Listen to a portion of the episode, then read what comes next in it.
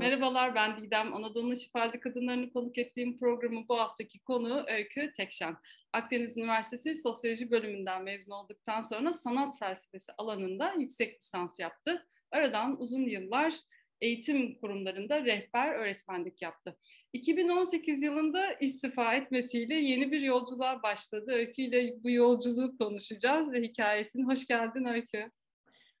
Hoş buldum Didem. Nasılsın? İyiyim ben de şu an. şu aşırı mutluyuz. Çünkü sonunda evet. kaç yıl oldu bilmiyorum ama yani şükür kavuşturana. bir buçuk senesi var. Ben Covid'dim. O zaman konuşmuştuk seninle. Evet. Ee, işte doğru zaman olunca oh. gelince oluyormuş. O yüzden de çok acele etmeye gerek yokmuş diye böyle bir mesaj da vereyim ben başlangıçta. Hiç yokmuş. Değil mi?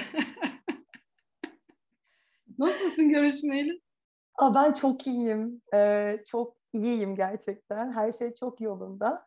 Ee, seni de takip ediyorum. Sen de iyi görünüyorsun. Umarım sen de çok iyisindir. Çok şükür, çok şükür. Aa, sen de çok güzel şeyler yapıyorsun ve hani yaptığın şeyleri detaylı olarak da öğrenmek istiyorum aslında. Hani ara ara konuşuyoruz, haberleşiyoruz evet, ama evet. E, enteresan bir hikaye. Hani evet. ve hatta ben orada biraz kendimi de duydum. E, hmm. Sen hikayeni anlattığında işte o maymun iştahlılık mevzusu. Her, her şeye burnunu sokmak. ah dedim benden bir tane daha var. O yüzden mutlu oldum. Onları böyle sırayla konuşacağız ama böyle hikaye baştan alırsak bir de senden dinleyelim. Aa, ya benden dinleyelim. Kısa kesmeye çalışacağım. Bu arada kendisi aynı zamanda masal anlatıcısı olduğu için hani konu başka yerlere de gidebilir. O bir yüzden... anda kendinizi masal dinlerken bulabilirsiniz. O yüzden başlamadan önce Didem, şimdi sana şurada bu alanı bir açmak istiyorum. Lütfen, Lütfen e, ihtiyaç hissedersen durdur beni döndür. Öykü topla geldi, topla tamam. geldi. sağ ol. gidebilirim. Çok sağ ol. Ee, ama şöyle başlayabilirim. Ee, 39 yıldır bu bedende Doğa Ana'nın kucağında adımlıyorum aslında. Ee, adım Öykü. Ee, ben doğmadan önce başlamış aslında hikayem. Ee, annem ve babamın bir çocuğu oluyor. Ee, doğduktan üç buçuk ay sonra kaybediyorlar onu, bir oğlan. Ee, babam koyuyor onun adını. Daha sonrasında abim e, doğuyor ve onun adına Özgür diyorlar. Özgür olsun. Ee, ölen abim Mustafa Cenk. Allah rahmet eylesin. Allah rahmet eylesin. Evet, Özgür'le beraber altı yıl e, bir hasret gideriyorlar ve özgürlüklerinde yaşıyorlar aslında. Daha sonra annem bana hamile kalıyor. Ve iki tane erkek evladına babam isim verdiği için diyor ki bu sefer kız olursa adını ben koyacağım. Ee, ve bir şekilde ben doğuyorum. O zaman tomografi var ama annem çok girmek istemiyor. Daha yeni bitirmiş. ee, ve ben oluyorum. Bakıyorlar ki kız. Babam hemen atlıyor. Ah diyor adı Özlem olsun. Böyle kız evladı bir özlemim vardı. Abim anaokuluna gidiyor o dönemler. Özge diye bir kız var. Hoşlanıyor ondan. Adı Özge olsun. Öğlerden gidiyorlar bu arada. Annem diyor ki yok adı Öykü olacak. Bir hikayesi olacak. Hem yaşayacak, hem yaşatacak, hem anlatacak. Yani ben doğmadan önce aslında annemle beraber e, geliyor hikaye ve öykü olarak devam ediyorum yoluma. Sonra bir tane daha kardeşim oluyor. Onun adı da Önder. ee, evet evet böyle. Ee, Akdeniz'in kıyısında küçük bir şehirde doğdum. O da Antalya. burada emekledim, burada yürüdüm, burada her şeyi öğrendim. her şey gibi, herkes gibi burada büyüdüm. Akdeniz'in dalgaları gerçekten çocukluğumun elini hiç bırakmadı. Hala da buradayım, hala burada yaşıyorum. Yaşamım içerisinde başka şehirlerde yaşadım. ama buraya döndüm, yuvaya tekrar döndüm. Aslında yuvanın her yeri olduğunu daha sonra keşfettim ama bu başka bir hikayenin konusu. aslında böyle. beş kişilik bir ailede yaşadım, beş kişilik bir ailede büyüdüm. Um, Peki nasıl bir çocukluk geçirdin? Hı. Nasıl bir aileydi hani e, içinde büyüdüğün? Annenle babanla ilişkin evet. nasıldı? Aa, şöyle şöyle anlatabilirim aslında. Ee, yani daha yürümeyi, konuşmayı öğrenmeden beni mavi derin sulara salmış bir ailem var. ee, hadi git bakalım diyen bir ailem var. Çok teşekkür ediyorum onlara o yüzden. Ee, sanırım da hani o yüzden daha doğrusu böyle çok küçük yaşlardan itibaren spor olarak görmediğim ama aslında spor olarak icra ettiğim yüzme mesela oluştu hayatımda. Belki de bu bununla ilgilidir bilmiyorum. Ee, çok anlatan, çok soran ve sorgulayan bir ailem vardı.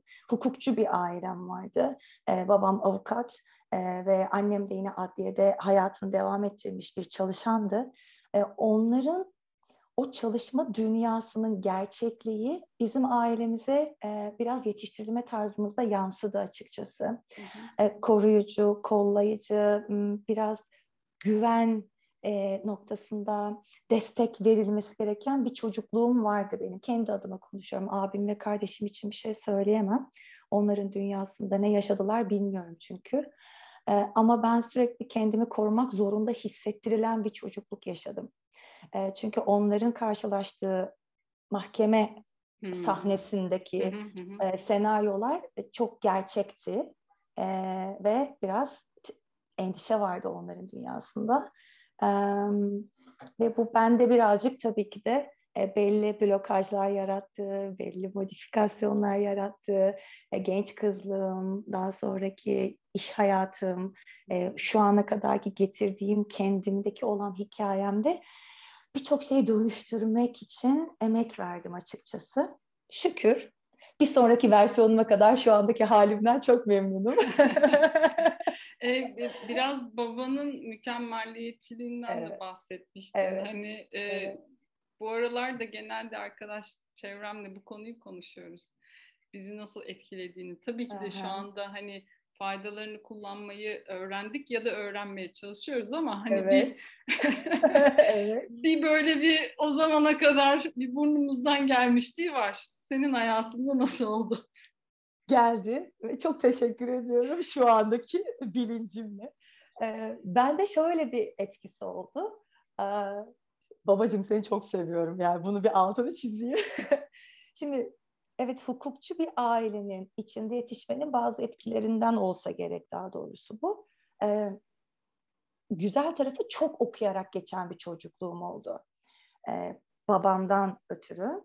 Şimdi biz üç kardeş olarak yaşadığımız evimizde babamın her hafta böyle farklı temalarla bize sunduğu soruları düşünerek ve ansiklopediler karıştırarak ansiklopedi çocuğuyuz biz kütüphanelere gidip araştırmalar yaparak bir sürece dahil olduk. Benim çocukluğum öyleydi. E, şimdi tabii burada işte bir durayım. Burada şimdi senin söylediğin konuya gireceğim. Kulağa nasıl geliyor dinlerken bilmiyorum ama ben içindeyken çok sancılı ve çok sıkıştırılmış hissettiğim dönemlerde o günler. E, çünkü kesinlikle yanlışı kabul etmeyen bir babam vardı. E, kendinden çok emin cevap vermek zorundasın. İşte yoksa böyle gözleriyle sana bakar ve şey doğru mu söylüyorum, yanlış mı söylüyorum gözleriyle. Orada belki aslında kendi ebeveynine, kendi baba figüründe şunu göstermeye çalışıyordu. Emin olacaksın söylediğin şeyden. Bir şey söylüyorsan arkasında duracaksın. Herhalde bunu öğretmeye çalışıyordu. Ama ben o zamanlar korkuyordum. Yani şey diyordum böyle, doğru mu söyledim, yanlış mı söyledim? Ve e, sonra sonra anladım ki tabii. Yani yetişkinliğimde işte atalarımı onurlandırma çalışmaları yaparken fark ettim tabii ki de bunu. İşte konuşmaz, ses çıkartmaz, düşündüklerimi özgürce ifade edemez olmuşum. Ta ki üniversiteye kadar. O, orada öyle bir gerçekten kırılma var aslında. E, bu tabii sonraki hayatıma işte anlatıcılığım üzerinden destek oldu vesaire oralara geliriz zaten. Ama yine de babamla çocukluğumda geçen yani bu sancılı entelektüel ilişkimizden hiç pişman değilim. Şu andaki bilincim bunu söylüyor. E, çünkü şu an gerçekten olduğum kişinin peritozlarına o ilişki yarattı. E, her pazar mesela babamla baba kız günümüz olurdu oturduğumuz mahalleden Antalya'da bahçeli evlerde yaşıyordum ben o çocukluğumda. Hı hı. Çok böyle portakal bahçelerinin, mandalinaların, eriklerin, böyle limon bahçelerin arasında gerçekten bir bahçeydi yani. Ee, ne kadar apartmanlar olsa da her yerde ağaçlarımız vardı. Bu oturduğumuz mahalleden şehrin merkezindeki sahafa, Sahaflar Caddesi'ne yürürdük babamla. Böyle sohbet ede ede. Dönüşte de bir çay bahçemiz vardı. Orada otururduk. O kendisi de bir çay söylerdi. Bana bir gazoz ısmarlardı. Sahaftan bir kitap alırdık. Hem bana hem ona. Ve tüm hafta ben o kitabı okurdum, o da kendi kitabını okurdu ve haftanın sonunda tartışırdık. Ve gelsin yeni kitaplar. Şimdi bu acayip zengin bir şey.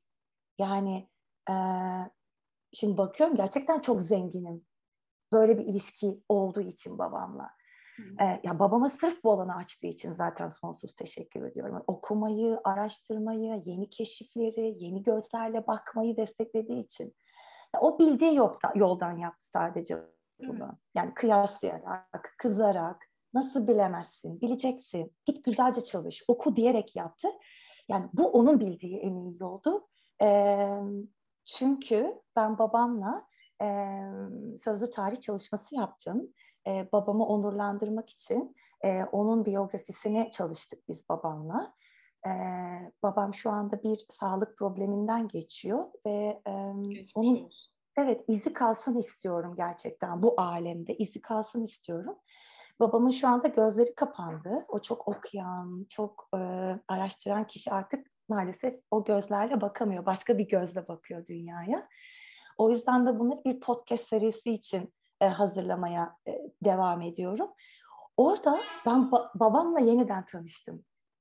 E, ve bunu pandemide yaptık. E, babamı yeni tanıdım ben.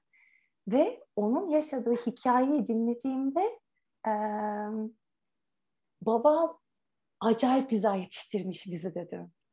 Yani neler Peki, yaşamış? Bunu bilmek mi seni şifalandırdı Öykü? Yani çünkü e, hayatını etkileyen bir şey o e, kendinden emin olamamak, her an tereddüt etmek, duygularını ifade edememek korktuğun için ya da mükemmel olmaya çalışmak.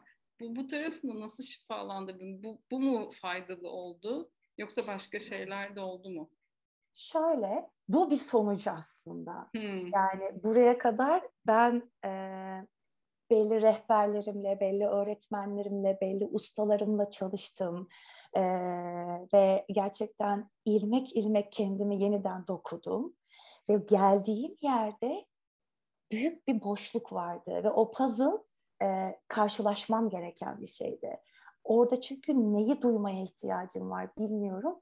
Ve babama dedim ki e, senin biyografini çalışmak istiyorum. İznin var mı?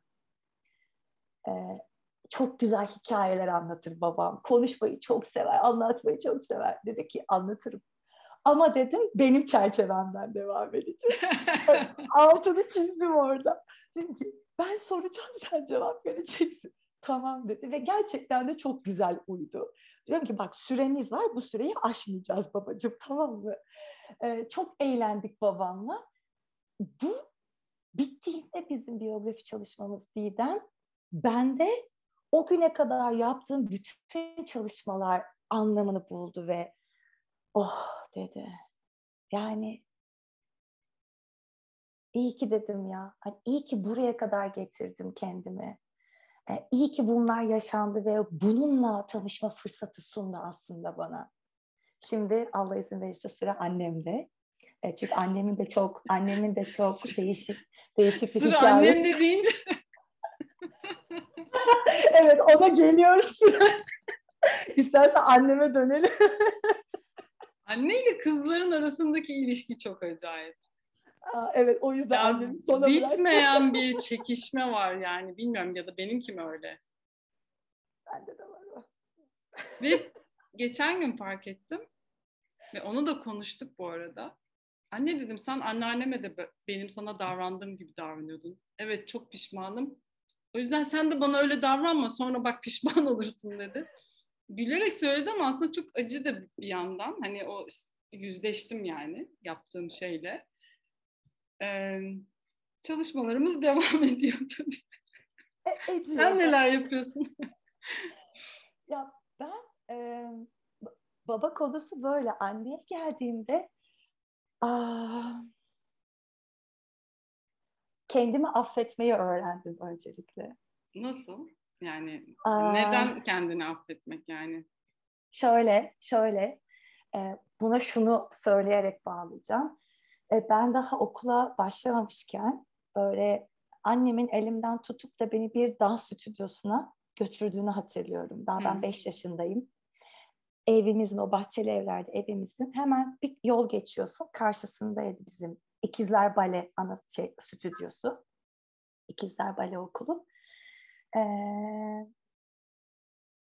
annemin beni o salonun ortasında bırakıp gitmesiyle ve ben annemi istiyorum diye ağlamamla ve o yeşil gözleriyle Rezan öğretmenim gelip elimi tutup böyle benim göz hizama inip bana ne kadar güzel olduğumu anlatmasıyla başlayan bir serüven bu. Aynaya götürüp bak kendine, bak ellerine, bak saçlarına, bak ayaklarına derken bana kendi bedenimi 5 yaşındayken böyle öğrettiği bir yolculuk başladı aslında.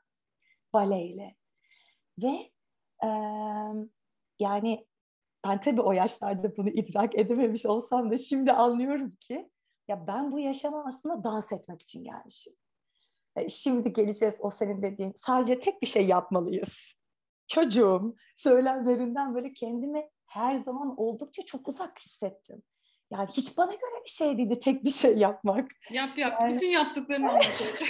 evet. Yani neden ki gelmişim yani düşünsene geçici olan bu yaşamda ben özümü arıyorum. Bir tane bir şeye takılacağım ve neden yani onu da bir deneyeyim, onu da bir deneyeyim. Yani buna ben açıkçası maymun iştahlılık demiyorum. Cesaret adımları diyorum ben buna açıkçası. E çünkü o zaman bulacağım. Ha bu bana iyi gelmiyor. Aa bu şu anda bana iyi geliyor. Vaa burada böyle bir şey varmış. Ya ne kadar sihirli. Yani bunu ben denemeden nereden bileceğim? O yüzden e, ve işte sadece tek bir şey yapmalıyız mottosunun dışında ben bayağı işte dans da şu anda hala yaşam yolculuğumda parlıyor yani. Benim mesleğim oldu hatta. Ya bugün e, ben flamenko öğreniyorsam ve öğretiyorsam 5 yaşında benim annemin beni o salonda bırakıp gitmesiyle oluştu. Peki o terk yani, edilmeyi nasıl çözdün sonra? İşte orada affettim diyorum zaten oraya geldi. Ben anneme işte böyle Üniversiteye daha başlamadım, lisedeyim. O zamanlar tabii Latin dansları da yapıyorum. Bale hala devam ediyor. Halk oyunları oynuyorum. Bale hala devam ediyor. Fakat bir şey oluyor. Kızıyorum böyle anneme. Hep senin yüzünden zaten. Sen beni terk ettin gittin zaten. Ya şu anda yaptığın şey bu kadının seni o anda sözde terk edip gitmesinden kaynaklanıyor. Hayır, seni oraya bıraktı ki kendini keşfet diye. Kendini keşfet diye ve seni bomboş bir yere bırakmadı. Güvendiği birisine emanet etti. Meğersem dışarıdaki odada oturup bekliyormuş. Ama bana gitti dediler. Nereden bileyim ben onun oturup beklediğini? Ya, yani ufacık bir algı yani o ufacık bir kayıt bile hayatımız nasıl etkiliyor değil mi? Çok etkiliyor. Yani şimdi canım annem yani üç çocuğu da gerçekten canım annem böyle üç çocuğu içinde o da kendince bildiği en iyi anneliği yaptı aslında. Yani ve bunun için, bunu bize yaşa, bana yaşattığı için, yine abim ve kardeşim için konuşamam. Ama bunu bana yaşattığı için ona çok teşekkür ediyorum ben. Yani böyle babasının kızı diye büyütülen bir kültürdeyiz. Ama ben annemin kızı olmaktan dolayı çok gurur duyuyorum. Ben çok mutluyum özellikle. Yani arada sırada hala anlaşamadığımız yerler oluyor mu? Evet. Ama anlaşamamak anlamamayı gerektirmiyor. Ben biliyorum annem beni anlıyor. O yine anne olarak ben de onun daha hala küçük bebeği olarak gözünden sıkılmaya çalışıyor sadece beni o kadar. Ama beni anlıyor biliyorum. Yani bu alemde beden olarak bir gün gidersem ya da o giderse benden önce hı hı. biliyorum hala birbirimizi anlamaya devam edeceğiz. Biliyorum. Bunu çok net biliyorum içimde. Ne güzel. Ee, Sonrasında şimdi şeye geçmek istiyorum. Rehber Aha. öğretmenlik dönemin var. Ee, bir süre evet. çalışmışsın. Çok da güzel evet. e, yerlerde çalışmışsın. Çok evet. da güzel şeyler yapmışsın. Evet. Bu kadar her şey güzel giderken sevdiğin de bir meslek evet. anladığım kadarıyla. Evet. Çünkü evet. çok hani insana dokunuyorsun. Evet. Ne oldu da istifa etmek geçti aklından ve istifa ettin. Hani neydi Ettim. problem? Um, yani aslında şöyle problem problem yoktu aslında Didem biliyor musun? Sadece zamanı dolmuştu. Onu hissettim. Yani problem olsaydı zaten problem içerisinde durmazdım. O ayrı mesele de onu bir şekilde çözmeye yine çalışırdım. Öyle bir yapım var. Rahatsız oluyorum daha doğrusu. Ama zamanımızı doldurmuştuk biz rehber öğretmenlik yolculuğunda 13 yıl boyunca. Gerçekten birçok güzel okulda e, çok güzel insanlarla çalıştım. Hala görüşüyorum hem öğrencilerimle hem öğretmen arkadaşlarımla hem idarecilerimle. E, hala bana ihtiyaç duysalar beni ararlar. Hala bir sorun olsa öykü böyle bir derdimiz var destek olabilir misin derler ve olurum da. E, benim artık neyi istediğim değil de neyi istemediğim çok belliydi. Yani böyle ben işimi yapmaya devam edeceğim. Ama yani dört duvarın içerisine girmek zorunda değilim bunu yapmak için. Bir, ben e, hafta sonu dahil çalışıyordum. Kış tatilim yoktu, yaz tatilim yoktu. En son özel okulda bölüm başkanıydım. Ve e, özel okulculuk denilen bir kavram var. Orada sabah girdiğimiz saat belli olsa da çıktığımız saat belli değil. Özellikle bizim bölüm için. Ee, yazımız, kışımız belli değil. Tatil planı yapamıyoruz. Ben gezmeyi çok seven bir insanım. Az çok biliyorsun. Yani ve hani bilet alacağım alamıyorum. Bisiklet turuna gideceğim gidemiyorum. Ne zaman çıkacağım belli değil. Son dakika izinler belli oluyor. Ve bu sıkışıklık ve bu belirsizlik benim istemediğim bir şeydi. Ve bu son dönemde şöyle bir şey yarattı hmm, mutlu değilim. Yani burada bir şey var ve rahatsız ediyor beni. Ve bu rahatsızlığı bile bile içeride kalmak beni ben yapan bir şey değildi. Yani ve benim seç, seçim hakkım var insan olarak. Ve ben oradan kendi kararımla çıkmayı seçtim. Korkmadın çok isteyen, mı? Çok korktum. Çok maaş, korktum. düzenli maaş yok. Aa, e, ne yapacağını da bilmiyorsun anladığım kadarıyla. Ne istediğini de bilmiyorsun. Çok korktum. Şöyle çok korktum. Ee, ben 2018'de istifa etmiş olsam da bunun ayak sesleri 2014-15'te zaten duyulmaya başlamıştı aslında. Ve ben o dönemde de bana iyi gelen şeylerin içerisinde kendimi daha çok var ettiğimi fark ettim. Hmm. İşte hikaye yazmak, hikaye hikaye hep yazıyordum ama bunu anlatma evresine soktum. Daha çok işte böyle okumalar, daha hikaye, daha mitoloji, daha masallar. Yani a, ve sanatın dalları birazcık daha işi içerisine girdi. Düşünebiliyor musun? Bir süre ben dans etmedim bu kadar yoğun çalıştığım için. Dans edemedim. Düşünebiliyor musun? Yani ben dans etmeyi bırakmışım. Bu da benim tabii ki de hani pişman duyduğum bir şey değil kesinlikle ama yani böyle bir yere kadar getirmiş beni aslında bu sıkışıklık ve acı bir şey yani bu benim için. Neden bunun içerisinde kendimi sürekli aynı döngüde tutuyorum? Hiçbir şey değişmiyor. Yani dönüştürmeye çalışıyorum bir şey aynı kuyuya düşüyor. Dönüştürmeye çalışıyorum aynı kuyuya düşüyorum. Öyle bir hikaye var. Bir yolcu bir gün yolda gidiyor ve bir kuyu var görmüyor düşüyor kuyunun içerisine.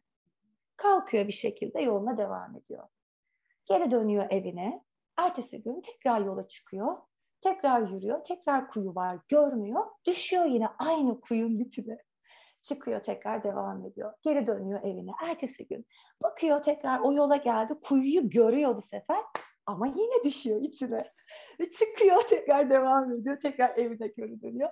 Ertesi gün tekrar aynı yola gidiyor. Bir bakıyor ki kuyuyu görüyor. Bu sefer kuyunun yanından geçiyor ve yoluna devam ediyor. Yani sürekli aynı kuyuya bile bile neden düşeyim artık? Aynı döngüyü yaşıyorum. Yani değil mi? Kahramanın yolculuğunda bir şey var. Ta ki dediğin bir yer var ki o zaman değişsin hikaye. Sürekli aynı şeyleri izlesen bir filmde sıkılmaz mısın? Benimki buydu yani. Ve artık filmi izlemekten ziyade kendimi izlemeye odaklanmak istedim. Ben kimim burada? Yani ben neden varım bu dünyada? Evet çok iyi geliyorum öğrencilere, evet çok iyi geliyorum insanlara öyle söylüyorlar. Ama bir dakika ben kendime gerçekten iyi geliyor muyum? Ben neredeyim? O zaman dürüst olmam gerekiyor kendime. Ben kendimin farkında değilsem insanlara nasıl farkındalık verebilirim ki? Dürüst olmakla başladı benim hikayem aslında. Kendime dürüst olduğum anda korku falan hepsi, hepsi yok oldu. Düzenli maaşım var. Çok güzel. Sigortam yatıyor. Her şey, sıfatım var. Bölüm başkanıyım bilmem ne. Her şey geçici. Her şey geçici. E şimdi ne oldu? Ben yine kazanıyorum paramı. Kendimi idare ettirecek kadar çok şükür. Yani Ve her yerde çalışabiliyorum. yani tam işte dört duvarın içerisinde istersem çimlerin üstünde, istersem denizin kenarında, istersem bir kafede, istersem kütüphanede, istersem odamda her yerde çalışabiliyorum. İstediğim şey buydu ve bu oldu. Bunu ben seçerek yaptım ama çok emek verdim. Öyle bir gecede olmadı yani tabii ki de. Olay bu aslında birazcık da. Bilmiyorum anlatabildim mi? Çok güzel anlattın. Peki ne istediğini nasıl buldun? Ha. Neler yaptın? Masalla yolun kesişti ama hani gerçekten ne istediğini o bulma yolculuğundan da biraz anlatır mısınız? Çünkü buralarda insanlar çok sıkışıyorlar. Hepimiz sıkışıyoruz. Ee, ben de çok burada takılı kaldım. Senin Açıkçası, hikayen nasıldı? Benim hikayem şöyle. E, şu anda bana çok hafif gelen ama o zamanlar çok ağır gelen bir hissin içerisinden geçiyordum. E, ben bir yas yaşıyordum bu dönemde ve çok derin bir yasım vardı. Ve üç tane yas iç içe girmişti. Ee, birisi bedenin yasıydı. Bir beden kaybı vardı. Bu hayatta çok değer verdiğim bir insanı kendi ellerimle verdim toprağa. Arkasından ruhani iki tane yas yaşadım. Çok ciddi ölümlerde onlarda. Ruhunun öldüğü bir e, dönemdi. Ve o üçü iç içe geçti. Ee, o süreçte de hikayelerle aslında kendimi sağaltmaya başladığım bir döneme girdim ben. 2014'ler, 2015'ler.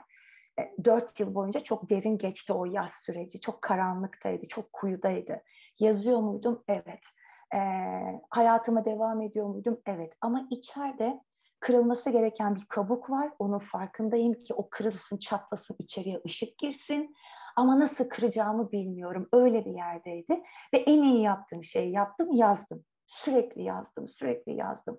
Çok küçük yaştan itibaren yazıyorum bu arada. Yani yeni bir şey değildi o dönemlerde. Ve yazdığım hikayeler böyle şey, e, ilk başlarda çok karanlıktı. Sonra yavaş yavaş böyle güneşin doğduğu, yağmurun yağdığı, gök kuşağının çıktığı, işte tohumların filizlendiği, yeşerdiği, orman yani nefes aldıran hikayeler oluşmaya başladı. Bu beni işte o dona, o dönemlerde köklerime geri dönmeye teşvik etti. İşte sosyolojiye geri dönmeye teşvik etti. Çünkü o dönemlerde dinlediğim türküler, dinlediğim şarkılar hep böyle kültürün türküleri, kültürün şarkıları, o hikayelerde. Ve şarkı hayatımda hep ama hep bir yerdeydi. Fakat hiç şarkı söyleyemezdim. Çünkü bana hep şey söylerlerdi. Sesin çok kötü.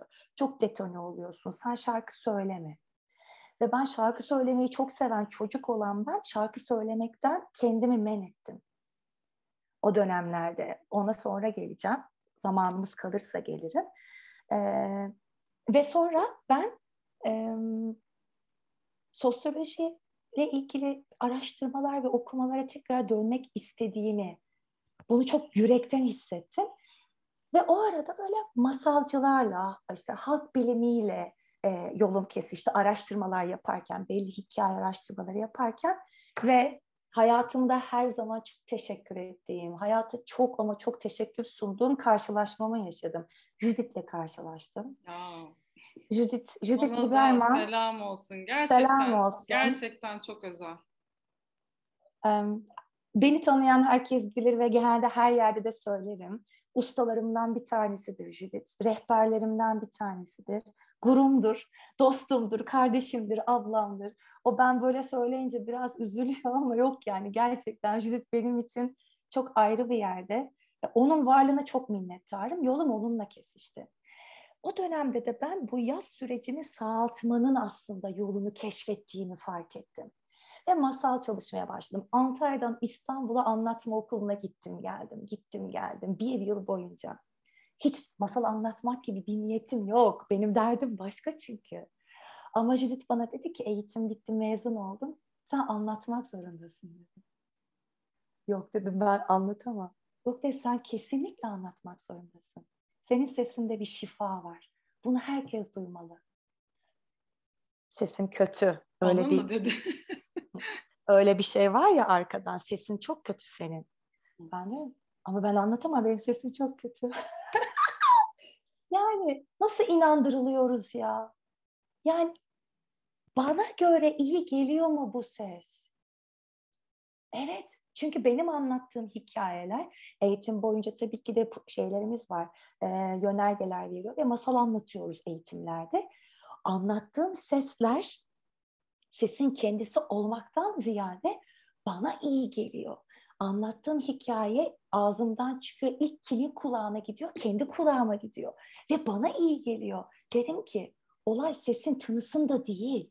Olay gerçekten buradan hissederek anlatıyorsan tamam. Judith'in ne demek istediğini çok sonra anladım bu arada. Anlatmalısın. Çünkü yaşayarak anlatıyorsun sen. Sen boşuna anlatmıyorsun.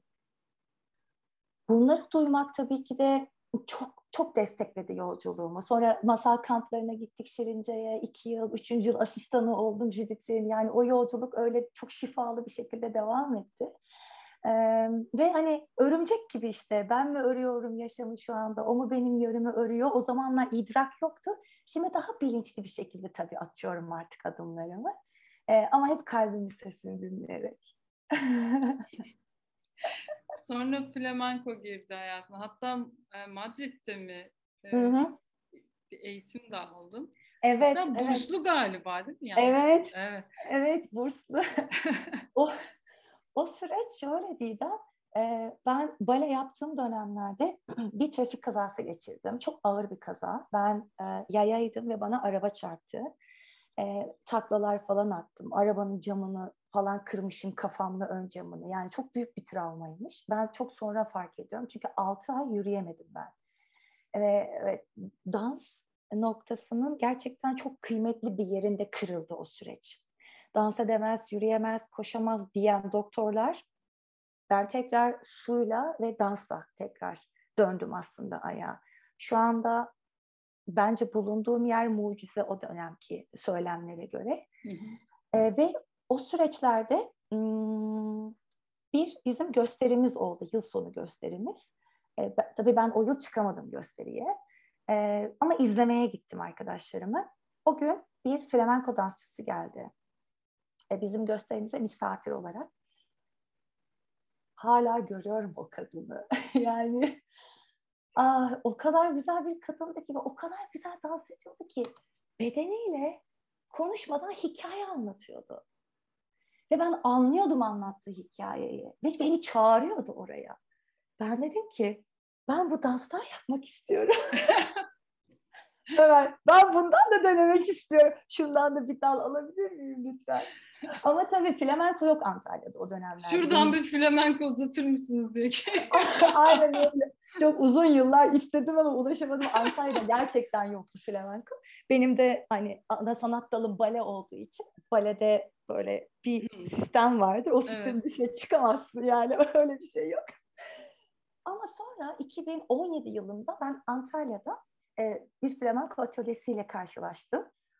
Ve o da benim ikinci rehberim Deniz, Deniz Friyese. Çok severim Deniz'i. Deniz hem dostum, hem hocam, hem rehberim, hem ablam, hem kardeşim, her şeyim o da. Judith gibi. Ve Deniz'le yolculuğumuz başladı. Başlangıç sınıfına başladım ama o kadar aşk var ki içeride. O kadar bir ateş var ki. Başlangıç sınıfından sonra orta sınıfa geçiyordu ders vermeye. Dedim ki bir ayın sonunda. Ya bu orta sınıfın derslerini izlemeye gelebilir miyim? Tabii gelebilirsin dedi. Sen dedi gelebilirsin. Hmm. Gittim. Öteki hafta derslere katılabilir miyime dönüştü bu. Tabii katılabilirsin oldu. Ve o yılın sonunda hem başlangıç sınıfında hem orta sınıfın sahnesinde sahne aldım. Ve ertesi yıl Deniz beni asistan yaptı. Sende dedi bir şey var. Yani sen tutuyorsun ve aşkla gidiyorsun. Sen bence buradan devam etmelisin. Evet dedim. Evet ben buradan devam etmeliyim. Çünkü çok iyi geliyor flamenko bana. Flamenko'da nasıl bir bedene sahip olduğun, nasıl bir görüntüye sahip olduğun, aynada gördüğün kişiden hoşnut olduğun ya da olmadığın, boyunun uzunluğu, kısalığı, kalçalarının genişliği, darlığı, göbeğinin varlığı, yokluğu. Hiçbir şey ama hiçbir şey umurumuzda değil flamenkoda. Varsın, müzik var, bedenin enstrümanın, bedenin aracın, hikaye aracın, ne anlatmak istiyorsan anlat. Bir eşe ihtiyacın yok, bir partnere ihtiyacın yok. Sensin sadece. Ve eğlenmeye bak. Ya bu, bu çok özgür bir şey. Çok özgürleştirici bir şey. Ee, ve işte 2018 asistanlığımın sonunda ben zaten e, istiyordum çok İspanya'da deneyimlemeyi. Yani yerinde deneyimlemeyi. E, ve Deniz de sağ olsun çok destekledi. Kesinlikle gitmelisin dedi. Ve ben işte pasaport artık eurolar o zamanki 2019'un euroları e, hazırlıklarımı yaptım ve Madrid'e e, Amor de Dios diye bir flamenco okulu var. Çok ünlü bir okul Madrid'de, merkezde. Dünyanın her yerinden flamenco dansçılarının geldiği ve bütün bir Ağustos boyunca yaz okulu olan bir okul. Ben oraya gittim bir aylığına. Orası da çok ayrı bir deneyimdiydi. Ben İspanyolca bilmeden gittim oraya. Ve e, işte, hola, me llamo Öykü, ¿cómo estás? Hmm, buenos días, buenas tardes. Yani bu kadar İspanyolca ile gittim. E, ve şey, hmm, ama evrensel bir dil konuşuyorduk işte. Dans ve müzik ve göz ve kalp. Yani bunlarla konuşabildiğimi biliyorum. Ee, çok adanmış bir yolculuktayım zaten. Ve bir ayın sonunda diploma töreninde bana burs verdi okul. Diplomamı diyorum ki ben aldım. Ben, ben diyorlar. Ben de gittim artık. Dedim ki İngilizce öğretmenin çok böyle çat pat biliyordu o da İngilizce. Öğretmenim anlamadım dedim. Yani neden ben buradayım? Gruba döndü ve ya dedi arkadaşlar hani arkadaşımız anlamadı. Ona çeviri yapacağım şimdi dedi. Ve karşıdan Hintli bir dansçı.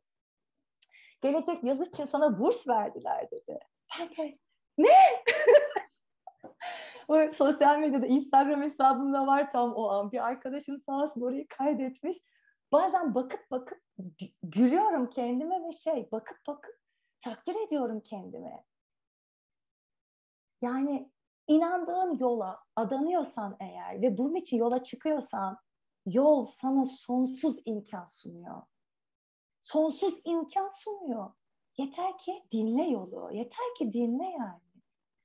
O yüzden flamenko'nun böyle bir şey var. Şimdi tabii iki yıl boyunca kullanamadım o bursu. Pandemi oldu 2020'de. Hmm, evet. Evet. 2021'de gideceğim zamanda da yangınlar oldu burada Antalya'da ve Türkiye'nin diğer yerlerinde de biliyoruz. E, o yangınlar sebebiyle de o yası burada yaşamaya çok ihtiyacım vardı ve okulla konuştum. Gelemeyeceğimi söyledim. E, dilerlerse bursumu iptal edebileceklerini söyledim. Çünkü gidecektim öyle anlaşmıştık. Onlar da sağ olsunlar çok destek oldular ve bursu iptal etmediler bu yıl için tekrar saklı. Bir aksilik olmazsa inşallah 30 Temmuz'da uçağım var. Gidiyorum Harika. tekrar. evet inşallah. Peki sen ders de veriyor musun flamenco dersi? Veriyorum.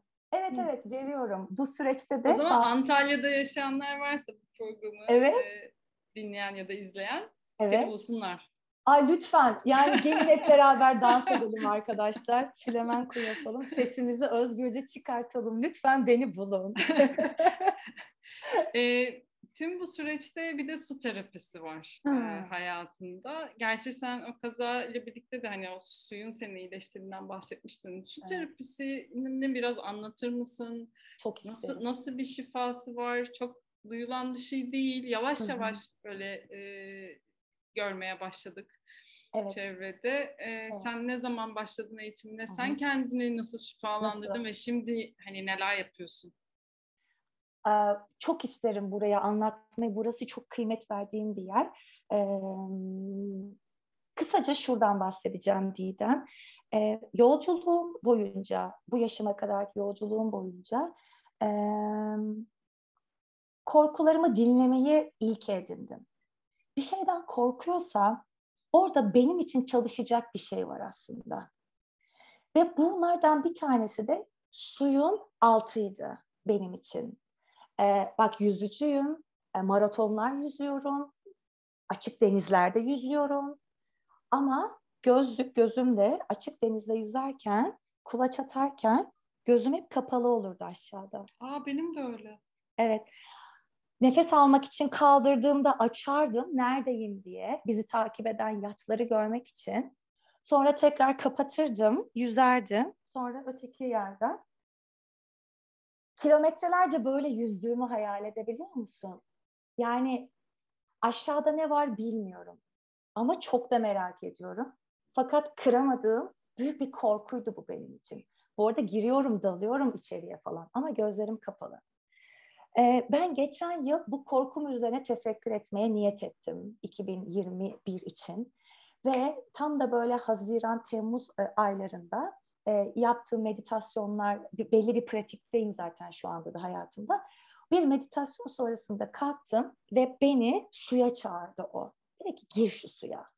Ve bu sefer onu dinlememezlik yapmayacağım dedim. Çünkü bir yıl önce yine bir çağrı duymuştum. Kaş'a kadar gitmiştim dalmak için. Dalış okulunun kapısının tokmağını dokunamadan geri döndüm Kaş'tan. Hani öyle de bir dönüşüm var. Ee, kuyuya düşen ve çıkan ve tekrar düşen yolcu gibi. Bu sefer dedim ki hayır Öykü bu sefer gireceksin o içeriye. Bir arkadaşımdan destek istedim. Bir dalış hocası buldu bana. Sağ olsun çünkü kendisi dalıyordu. O dalış hocasına anlattım derdimi, korkumu anlattım ve beni aldı. Çok nazik, çok şefkatli, çok kucaklayıcı bir şekilde aşağıya indirdi. ah. ah. Sana gerçekten bak anlatıcıyım ama anlatamam o deneyimimi. Sadece şunu söyleyeceğim. Dediğim tek şey şuydu. Yuvaya geldim. Şu anda yuvadayım. Balıkları görüyorum. Aşağıdaki kayalıkları görüyorum. Kayalıkların üstünden çıkıyorum, iniyorum, sağa gidiyorum. Öğretmen beni bıraktı arkada. Normalde bırakmazmış, bir yerden tutarmış öğretmenler. Sen dedi daha önce dalmadığına emin misin dedi. Dedim ki sanırım bu yaşamımda dalmadı. yani suyun altı benim uçabileceğim yer ve ben sürekli uçuyorum aslında rüyalarımda vesairelerimde falan ama orada gerçekten yaşadığım deneyim beni gerçekleyen, beni tamamlayan bir deneyimdi. Ve dakikalarca içerideymişiz. Balıkları ellerimle besledim, deniz anaları gördüm, ahtapot yavruları gördüm. Ve dedim ki beni bekledin sen, yıllarca bekledin burada beni. Ve bu su bana ben annemin karnına düştüğüm andan itibaren bana yuva olan yer. Ve ben neyi unuttum? Neyi unutturdular bana bu dünyada? Bu yaşamda bana neden özümü unutturdular? Ve dedim ki işte yuva burası. Yaşam burada. Ve ben çıktığım anda e, her şeyin bir zamanı var. Dedim arkasından da şunu söyledim. Neden bugüne kadar bekledim? Bu bilinçte olmak için demek ki. Ve sonra ben suyla ilgili araştırmalar yapmaya başladım. Burası çok ilginç ama çünkü suyla ilgili araştırma yapıyorum fakat şöyle bir araştırma. Yıllardır suyla ilgili hikayeler yazıyorum bu arada. Hmm. Yıllardır denizlerin altı ile ilgili hikayeler yazıyorum bu arada. Dosya dosya bekleyen hikayelerim var. Sanırım artık onların da zamanı geldi gün yüzüne çıkmasını. Hepsi işte zamanla geliyor demek ki. Acele etmeye hiç gerek yok. Ee, ve bu idrakla bir şeyler araştırırken tabii o zaman artık yoğun da İspanyolca çalıştığım bir dönem İspanya'ya gideceğim için falan. İspanyolca kaynaklar dökülmeye başladı benim karşıma. Water flow diye bir şey çıktı. Ve işte Oceano diye bir tane öğretmen çıktı karşıma. İşte Meksika'da, Ibiza'da su terapisi yapıyor. İşte water flow tekniği kendisi e, oluşturuyor. Suyun öncesinde, suyun içerisinde ve suyun dışarısında topraklanma dediğimiz bir sistem kurmuş. Aşık oldum sisteme. Ve hani şey diyorum, aa diyorum tamam Meksika, İspanya, Meksika'ya giderim. Orada belki bu Oceano ile tanışırım ve bu süreçte onunla yol alırım. Bu arada da karşıma e, Damla çıktı. Damla da Oceano'nun öğrencisi Meksika'da. Damla ile yazışıyoruz. Damla'ya da buradan çok teşekkür ediyorum. Damla'nın soyadını Damla Kanterberg. De... Aynen. Damla, belki takip etmek isteyenler olur. Kesinlikle. Damla'nın patikası diye Instagram hesabı var. Onu da buradan söyleyeyim. O da çok kıymetli rehberlerimden bir tanesi. Onun da varlığına çok çok teşekkür ediyorum. Benimle bu yolculukta karşılaştırdığı için Evren çok mutluyum Damla'yı.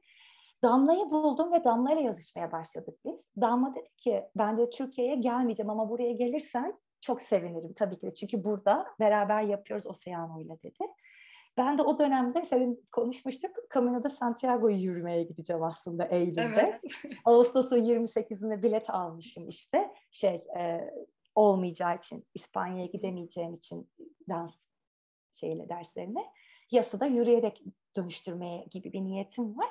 Orada da bir hikayem var. Dört element yola çıkacağım. Ateş, toprak, hava ve suya varacağım. Yani Finisterre'de bitirmeyi düşünüyorum ve suya varayım. Yolculuğum suda bitsin istiyorum. Öyle de bir niyetle çıkacaktım yola. Damla Türkiye'ye gelmeyecek fakat bir şekilde yolum karşılaşacak Damla'yla. Ee, şöyle karşılaşacak. O dönemde de yine çok takdir ederek ve çok severek takip ettiğim e, bir öğretmen var Burcu Sevgi Genç. Onun da burada ismini anmak benim için çok önemli. Dişilin Doğası adında bir e, oluşumu var şu anda. Dişilin doğası ile ilgili bir çağrı açtı Burcu. İlk defa buluşulacaktı. Ve ben de iki gün öncesinde bu çağrıyı görmeden iki gün önce Burcu'nun paylaştığı bir post vardı ve dedim ki içimden ya Burcu bir alan açsa da onunla bir alanda çembere otursam. Böyle bir niyet çıktı dilimden ve iki gün sonra bununla karşılaştım. 1 Eylül 5 Eylül arası. Ben 28 Ağustos'ta gidiyorum. Dedim ki bileti 8 Eylül'e alabilirim. Bunu değiştirebilirim. Ve ben biletimi değiştirdim Camino yolculuğu için. 1-5 Eylül arasında Dişil'in Doğası inzivasına katılacağım ve sonra yola çıkacağım. Dişil'in Doğası inzivasında karşılaşıyorum ki Damla da orada su terapisi vermeye geliyor. Ya çok teşekkür ederim Doğa annem, çok teşekkür ederim dediğim bir an var orada. Neyi istediğinden eminsen, biraz önce yine söyledim, yine söyleyeceğim, bunu her zaman söyleyeceğim. Sen bunun için adım atıyorsan, gerçekten ama gerçekten evren çalışıyor işte yani. Bir, bir kadar basit. Ben Meksika'ya gidecektim su terapisi almaya. Damla dişinin doğasına rehber olarak geldi. Su terapisiyle bizi tanıştırmaya. Eğitim değil. O tanışma anında bile muhteşem bir yeniden doğuş yaşadım. Ve dedim ki Damla Türkiye'de açacak mısın bu eğitimi? Açmayı düşünmüyorum dedi. Döneceğim Meksika'ya dedi. Üçüncü gündeyiz. Beşinci günde dedi ki Damla eğitim açıyorum. Ee, Eylül'ün sonunda Kayaköy'de. E ben gidiyorum 8 Eylül'de. Ve orada dedim ki bana bir izin ver, beni bunu düşünmem gerekiyor. Ve tefekkür ettim, yazılarımı yazdım, alandayız. Ve şey, ben Camino yolculuğuna neden çıkacaktım? Yuvaya varmak için. Ateşi aldım, toprakla yürüyeceğim, hava dağlar ve suya varacağım. E zaten suya vardım ben. Zaten yuvaya vardım. O zaman dedim ben biletimi açığa alıyorum. Camino, Camino, Camino beklesin. Camino beklesin. Ona başka niyetle çıkarım. Ben yuvaya vardım çünkü. Ve dedim ki Damla ben geliyorum eğitime. Ve bu aşkla gittim eğitime. Yedi gün boyunca metaforik olarak günde kaç kere doğumlar ve ölümler yaşadık. İşte orada benim kendi yolculuğumda gerçekten çok açılımlar oldu. Su gerçekten ama gerçekten çok şifalı bir dost, yolculuk sunan bir eşlikçi. Şimdi su terapisinin ondan sonra da zaten e, bu alanı paylaşmak için e, rıza aldım. Hem sudan hem doğadan hem damladan. Sağ olsun onların rızasıyla beraber de şimdi isteyenleri bu alanı tutuyorum. E, şifayı veren su ben değilim. Ben sadece alan tutan kişiyim. Ona eşlikçi oluyorum sadece. E, peki su terapisi nedir? Biraz dilim döndüğünce anlatmak istiyorum. Bendeki yankısı şu su terapisinin. E, şimdi bedenin suyun içerisinde e, dans ve meditasyon yoluyla e, iyileştirici gücünü teşvik eden bir yolculuk aslında. Suyun kendisi oluyoruz bu yolculukta. Hani özümüzü hatırlıyoruz. Şimdi derinden iyileştirici kişisel bir yolculuk bu arada. Ee, yani aslında su da hareket halinde bir meditasyonda oluyor suya giren kişi. Ee, ve kutsal olan su elementinde de yeniden doğuş yaratan bir dans yaşıyoruz aslında içeride. Su terapisi aracılığıyla bizim duygusal bedenimizde bağlantı kurabiliyoruz. Çünkü dişil e, enerjimiz su, duygularımızı temsil eden bir element. E, zihin kapandığı anda içimizde zaman ve mekanın olmadığı bir yerle bağlantı kuruyoruz. Ve bu da bizi gerçek doğamıza, işte o özümüzdeki ışığa geri getiriyor aslında. E, su seansı alan kişi içindeki suyu tekrar akış haline getirerek sıkışmış olan travmatik deneyimleri, blokajları, yığılmış enerjiyi serbest bırakıyor. Ee, birini koşulsuz sevgiyle kucaklamak e, ve kırılganlık için kurtarılmış bir alan yaratmak, yeniden doğmak gibi hissettiren derin bir dönüşümsel şifa deneyimi aslında gerçekten su yolculuğu. Hı. Su terapisi seansı e, suyun öncesinde e, alana hazırlık, e, teşekkürler e, sunuyoruz suya ve rehberlerimize. E, sonra suyun içerisine girmeden önce yine benim kendi sesimle ördüğüm, e, belli bugüne kadar getirdiğim bilgilerimi berekete dönüştürdüğüm bir seans yazdım. E, öncesinde işte bir dans ettiğimiz bir alan oluyor, masal anlattığım bir alan oluyor. O anda kişinin neye ihtiyacını olduğunu hissedersem bir masalla o alanı destekliyorum aslında öncesinde. Sonra suyun içerisine giriyoruz ve bedenin salı vermek için de kendini güvende hissettiği topraklama bölümüyle, suyun dışındaki bölümle sona eriyor. Orada da bir organ masajı sistemimiz var. Saçımızın, telinden, ayağımızın, baş parmağının ucuna kadar bütün vücudu organ masajıyla topraklıyoruz aslında. Şimdi topraklanma da e, duygusal bedenin daha derinlerine inmek için e, böyle bazen sesimle, bazen şarkı söyleyerek, bazen farklı enstrümanla ses şifasıyla destekliyorum orayı. Bir seans ortalama iki saat sürüyor. Ha, şimdi işte, onu soracaktım. Evet, evet. İki seans sürüyor ortalama ama tabii seans alanın içsel sürecine de bağlı. Yani bazen daha da uzun olabiliyor. Yani iki saat bitti hadi demiyoruz tabii ki de. Bu öyle bir yolculuk değil kesinlikle. Değil. Tabii. Kesinlikle değil. Ee, kısaca açıklamam gerekirse yeniden doğacağınız ve derin bir rahatlama ile yaşam yolunuza devam etmenize eşlik eden bir yolculuk aslında. Hı hı hı. E tabii hani burada eklemek isterim burası çok kıymetli. Yani yeniden doğum için işte teslimiyet ve sürece güvenmek çok gerekiyor. Yani teslim olmak, işte yaşama teslim olmak, alana teslim olmak, kişiye güvenmek, seni tutan kişiye gerçekten bırakmak kendini. Bırakabilmek burada anahtar kelime. Biz geçici olan yaşamda sahiplenmeye değil de var olmaya alan açtığım bir yolculuk aslında su yolculuğu. Yani bu kalem benim sahibim. Ya ama hayır. Yani bu olmadan ben var olmaya devam ediyorum aslında. Neyi tutuyoruz? Neye sıkı sıkı sahipleniyoruz? Ve bu neden bizi sıkıştırıyor? Yaşam yolumuza ilerlememize ne engel oluyor? Senin için biliyor. İçin biliyor. Buraya güven. Bunu bırakabildiğin anda özündeki o saf ışıkla karşılaşıyorsun işte. Özünle attığın adımlar da, özünle verdiğin kararlarda doğanaya bakışındaki farklılık, farkındalık senin yaratım sürecine eşlik ediyor burada. Sana destek oluyor. Ve tabii en sonunda da ne oluyor seansın sonunda? Hatırlıyorsun. Neyi? Onda su yolculuğunu deneyimleyince anlıyor. Gerçekten öyle çünkü. Tabii tabii. Yani aslında bildik, bildiklerini hatırlıyorsun. Aynen. İşte nereden geldiğini hatırlıyorsun senin gibi yani. Yuvanı, evet, evet. yuvanı hatırlıyorsun. Peki şey hani böyle en az üç seans almak gerekir ya da hani böyle bir şey var mı yoksa tamamıyla kişiye bağlı. Hmm. Bir seans alır. O bir seans ona bir süre yeter ve belki bir yıl sonra tekrar girmek ister. Hmm. Çünkü her seansta da aynı kişinin yolculuğu da farklılaşıyor. Ee, çünkü bir şeyi yeniden doğuruyoruz evet ama sonuçta üstüne yaşam deneyimi ekleniyor. Neler ekleniyor kim bilir.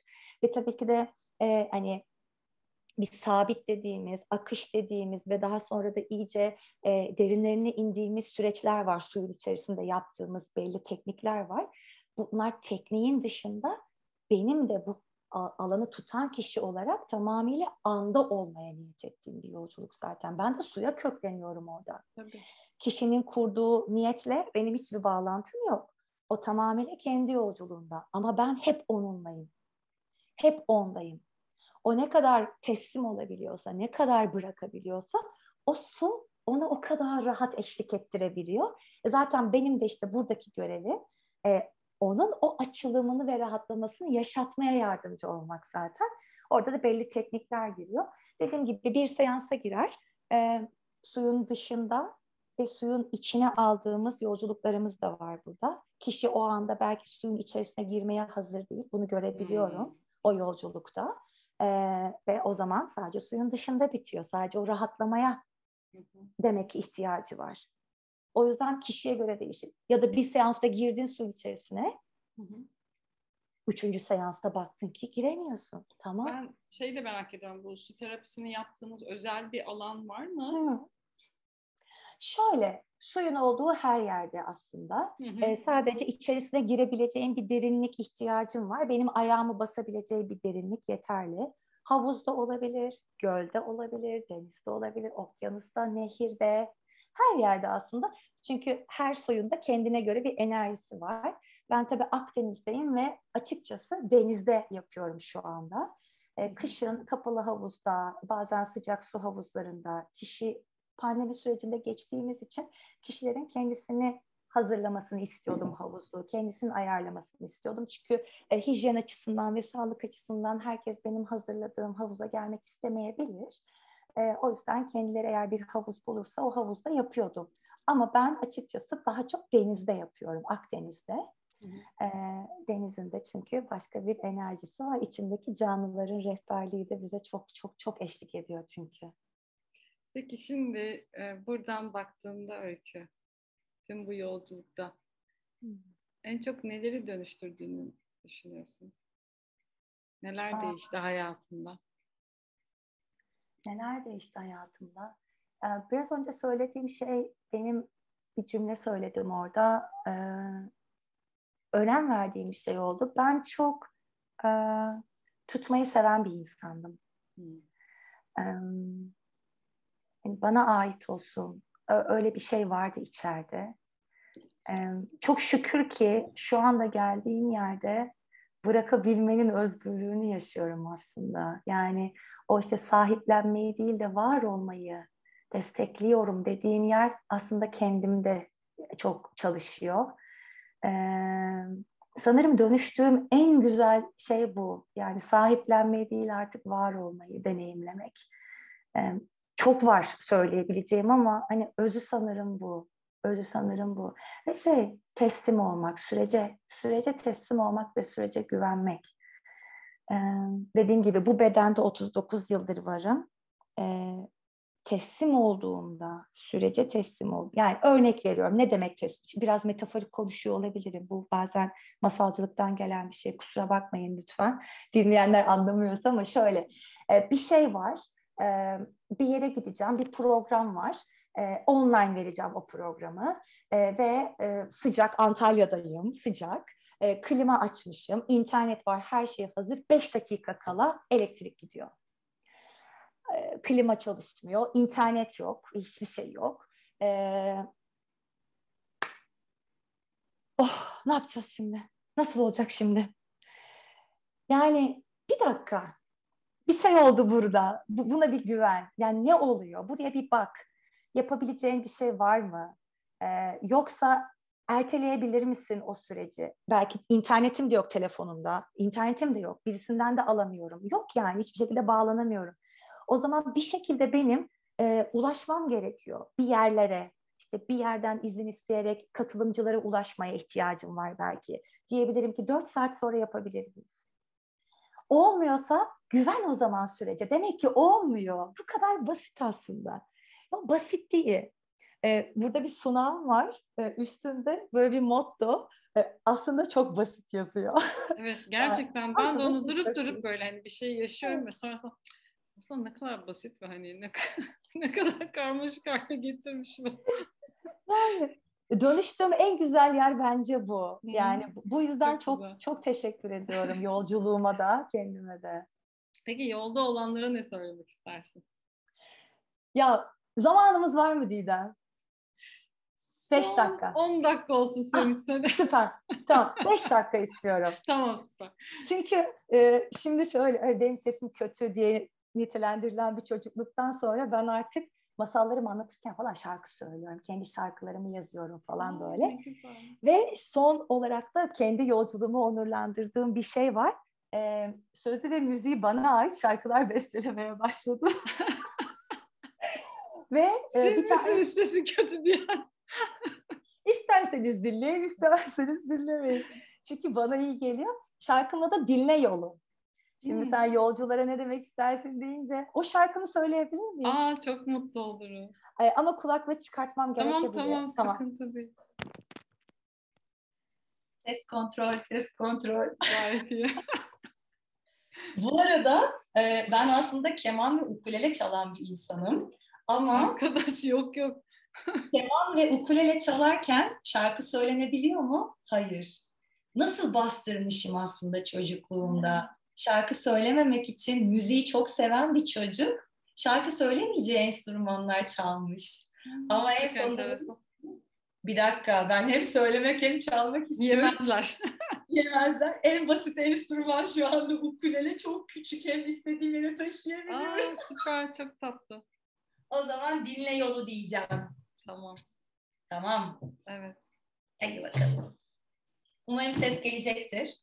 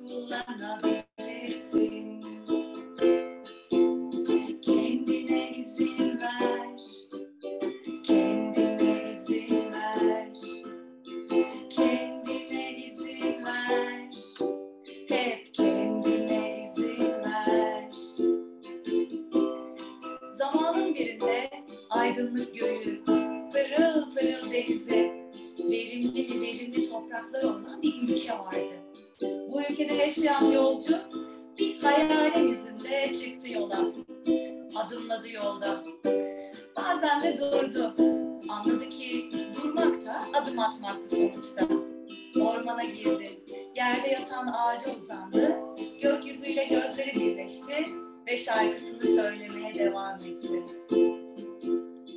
Bazen aydınlık olacak yolun, bazen nemli ve karanlık. Bazen kavşaklarda kalacaksın, değişim dönüşüm için bu. Bazen hiç tanımadığın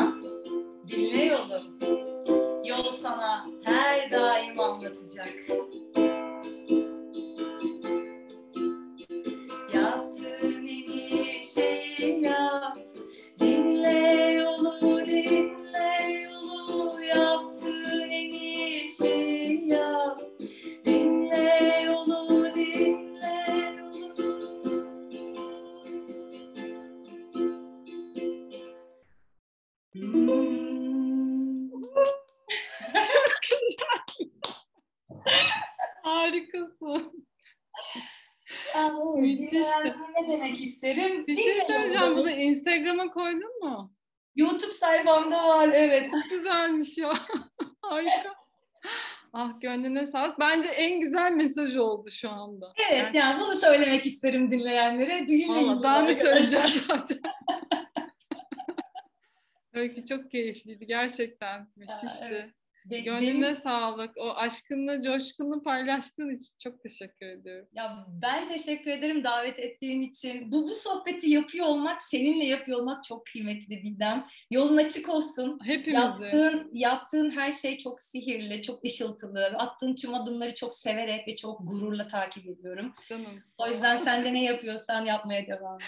İşte hep beraber böyle elimizi tutarak e, evet yolumuzu bulduğumuzu düşünüyorum ve çok güzel de bir çemberiz aslında. Ee, belki birbirimizi tanımıyoruz, belki hiç görmedik ama bunu dinleyenler, bu hikayeleri duyanlar bir çemberiz onu unutmasınlar ve hiçbir zaman yalnız değiller. Kesinlikle. Ee, var mı eklemek istediğin hani gönlünden akan başka bir şey? Ee... Zamanında bir tane e, felsefe okuduğum dönemlerde bir söz vardı. O geldi şu anda aklıma insanın hayatı düşünün rengine boyanmıştır diye bir söz. Şu anda o geldi. Neden geldi bilmiyorum. E, düşlerinizin eben kuşağına sıkı sıkı sarılın diyorum herhalde ve bırakın. Sarılın ve bırakın. Yani o düşlerin rengini çoğaltabilmek bizim elimizde. Seçim yapabilmek bizim elimizde. Ee, gerçekten içeriden gelen o sesi dinleyerek seçim yapma özgürlüğü bizim elimizde. Zor gibi görünüyor ama zor ne kolay ne. Yani belki bu farkındalığı dileyebilirim şu anda. Çok sağ ol. Çok teşekkürler. Gerçekten harika bir sohbet oldu. Çok iyi. Zaten e, yanaklarım ağrıyor. Genelde öyle oluyor. Çok sevindim. Bu güzel bir şeyden dolayı ağrıyor. Evet, evet kesinlikle öyle. Dinleyenler de izleyenler de çok keyif almışlar dinlerim. Çok sağ ol. Ve ben teşekkür ederim. Siz dinleyenlere, izleyenlere de teşekkür ediyorum. Biliyorsunuz artık YouTube'da var Anadolu Şifacı Kadınları. Ee, oradan da izleyebilirsiniz ve abone olup beni desteklerseniz eğer çok mutlu olurum. Şimdiden keyifli dinlemeler. Kendinize iyi bakın. Bir sonraki podcast'te görüşmek üzere. Hoşçakalın. Hoşçakalın.